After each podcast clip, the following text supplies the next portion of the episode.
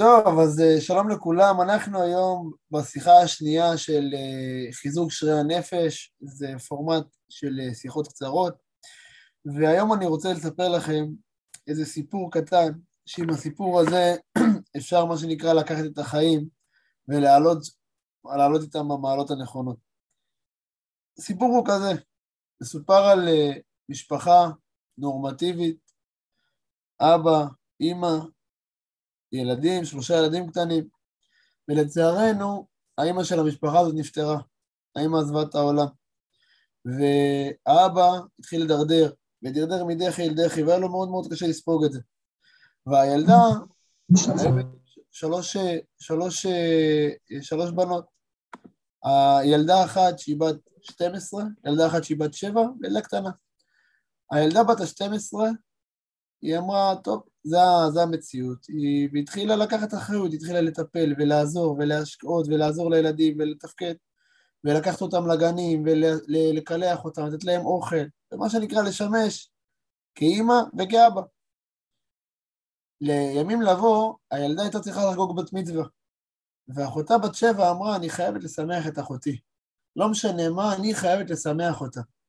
לקחה את הקופה שלה שיושבת לה על השולחן, שהיא ככה שמה בה את כל הכסף שהיא חסכה בה, והגיעה לחנות יהלומים.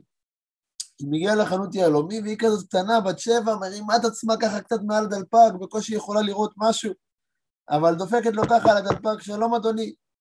בעל החנות לא מבין, מסתכל, הוא רואה כזאת ילדה קטנה. אבל כן, חמודה, שלום לך. היא אומרת לו, תביא לי בבקשה את העגיל הזה, ומצביעה על עגיל יהלום מאוד מאוד יפה. הוא אומר לה, מה, הגיל הזה? הגיל הזה 15,000 שקל, מאיפה את יכולה לקנות כזה הגיל?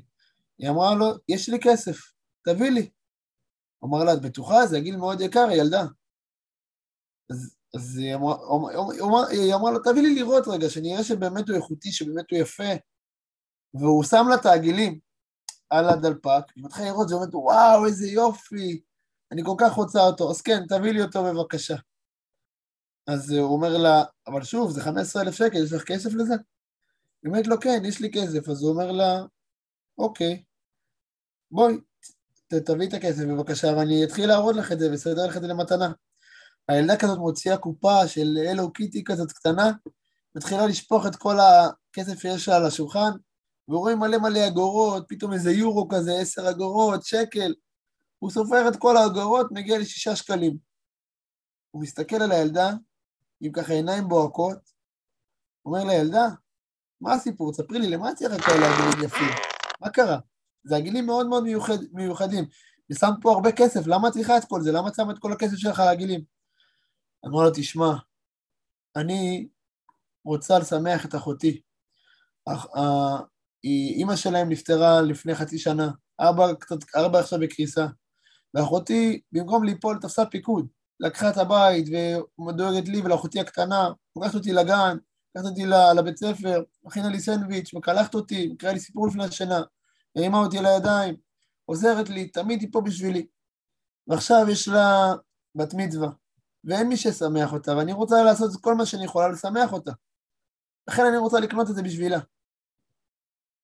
המוכר כל כך התרגש, אמר לה תודה, איזה כיף שבחרת בי לקנות לך, בואי אני ארוז לך את זה. ולגבי הכסף שיש לך, תשמרי אותו בינתיים, זה, זה תשקחי את העגילים מתנה. היא אמרה, וואו, איזה מוכרת, תודה רבה. ארזה את האריזה, רצה לאחותה, אמרה לה, אחותי, בת מצווה, מזל טוב. אחות צריכה ככה בחצי דמעה מעבר לעין, מנגבת את הדמעות ואומרת לה, תודה רבה, תודה רבה. מה קנית לי? היא מראה לה את העגילים האלה, והאחות כמעט מקבלת התקף לב. מה זה העגילים האלה? זה כזה יקר, מאיפה קנית את זה? היא אמרה לה, פה, מהחנות ליד הבית. היא אמרה, מהר מאוד היא ארזה את העגילים, היא הבינה שכנראה יש פה בעיה, ורצה לחנות. דווקא, שלום אדוני המוכר, כן, הייתה פה אחותי הקטנה עכשיו, כן, כן, נכון, היא הייתה. ואני רציתי רק לבדוק, היא הביאה לי עגילים מאוד מאוד יקרים. היא, היא, היא אולי לקחה את זה בטעות, או אולי חלילה זה נפל או משהו. אז המוכר אמר, לא, היא קנתה את זה. היא קנתה את זה.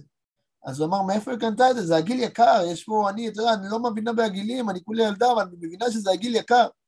הוא אומר לה, היא קנתה את זה בכסף מלא.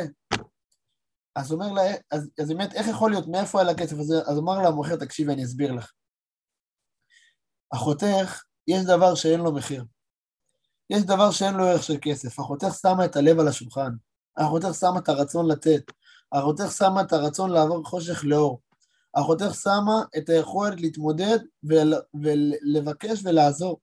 ונכון שאין לה באמת כסף ממשי, מגיעים, מגיעים לפה עשירי תבל, קונים במה שנקרא בכסף מזומן, בצ'ק, באשראי, סכומי עתק, הם לא מרגישים את החצי דקה אחרי זה, הם כבר לא זוכרים את זה. אחותך שמה את כל הלב וסחטה אותו פה על השולחן, כדי שלך יהיה טוב. וברגע שראיתי שהיא כזאת ילדה אמיתית, אני הרגשתי שאני חייב להיות איתכם ולתת את זה. זה שלך, קחי את זה שלך מזל טוב. מה הסיפור הזה בא ללמד אותנו? אנחנו סיימנו את ראש השנה, סיימנו עשרת ימי תשובה, סיימנו יום כיפור, יוצאים עכשיו לתקופה של פתקה טובה, לתקופה של התעלות החגים. ורבי נחמן אומר משפט, דע שאדם צריך לעבור על גשר צר מאוד, מאוד, והעיקר לא לפחד כלל. הגשר הוא החיים. בחיים אנחנו מנסים לפעמים לעשות מאמצים וסללומים ולהתקדם ולתת ולהשפיע. כל, כל אחד על פי הדרגות והמעלות שלו, כל אחד על פי הרצונות שלו. ותמיד יש את הפחדים האלה, את הלחצים, מה יהיה, איך יהיה, מתי יהיה.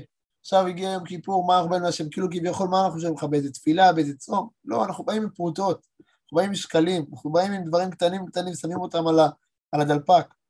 וברגע שאנחנו יודעים, שאומר גם השם יתברך, אם אתה תיתן את הלב שלך, אם אתה תאמץ את הלב שלך לראות כף זכות בבריות, אם אתה תאמץ את הלב שלך לחפש את הטוב האמיתי, להוריד את המחלוקות, להוריד את המריבות, להוריד את הלחצים השוטפים, אם תאמץ את הלב שלך לבחור בטוב, לחפש את ההשפעה הטובה, על אף הלחץ, על אף העומס, כל הכספים האלה זה כאין וכאפס.